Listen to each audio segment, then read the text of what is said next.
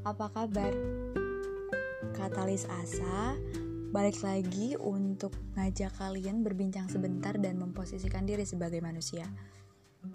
Bukan berarti di antara kalian ada manusia yang kaleng-kaleng apa gimana bukan ya.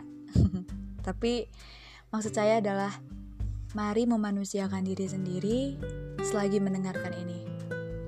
Dan salah satu indikasi telah memanusiakan diri sendiri adalah dengan mengikuti kata hati dan peka sama perasaan sendiri. Ngomongin tentang manusia kita manusia seolah dicipta untuk dinamis ya.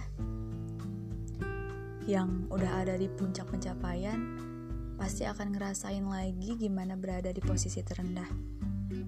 Pun sebaliknya gak pernah ada tuh manusia yang hidupnya statis.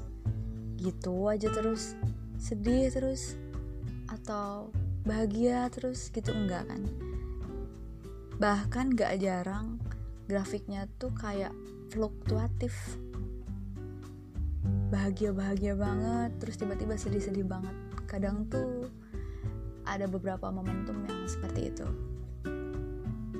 Dan tiap harinya ada hal baru yang dikasih ke kita untuk dipelajari dan bukan hanya untuk dilalui lantas semuanya dibiarkan seolah nggak ngandung arti Makanya, di sinilah pentingnya peka.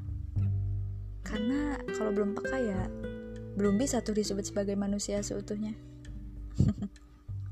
Dan gimana caranya biar kita peka? Salah satunya adalah dengan mengoptimalkan perasaan.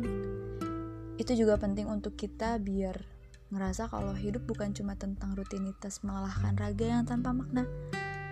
Mengingat Seberapa baik manusia adalah tergantung dari seberapa ia bermanfaat untuk orang lain dan seberapa baik ia bisa memaknai tiap proses kehidupan. Memaknai.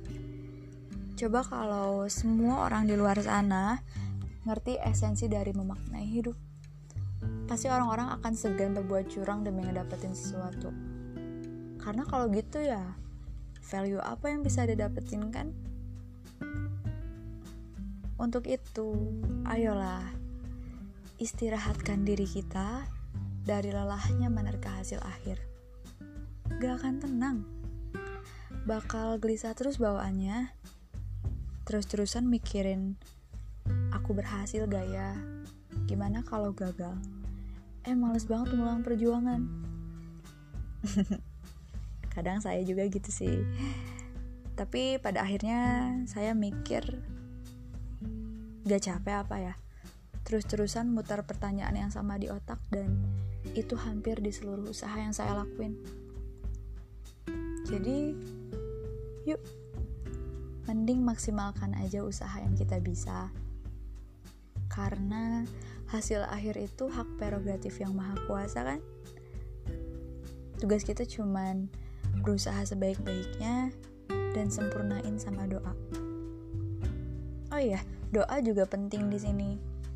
Biar kamu dapat yang terbaik dan itu pun terbaik di dirinya.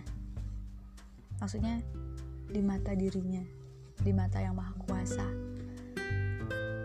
Jadi tugas kita cuman nyusun proposal pakai pensil terus ngasih penghapus dan penanya ke maha kuasa. Mengingat yang paling tahu yang terbaik buat kita cuma dirinya kan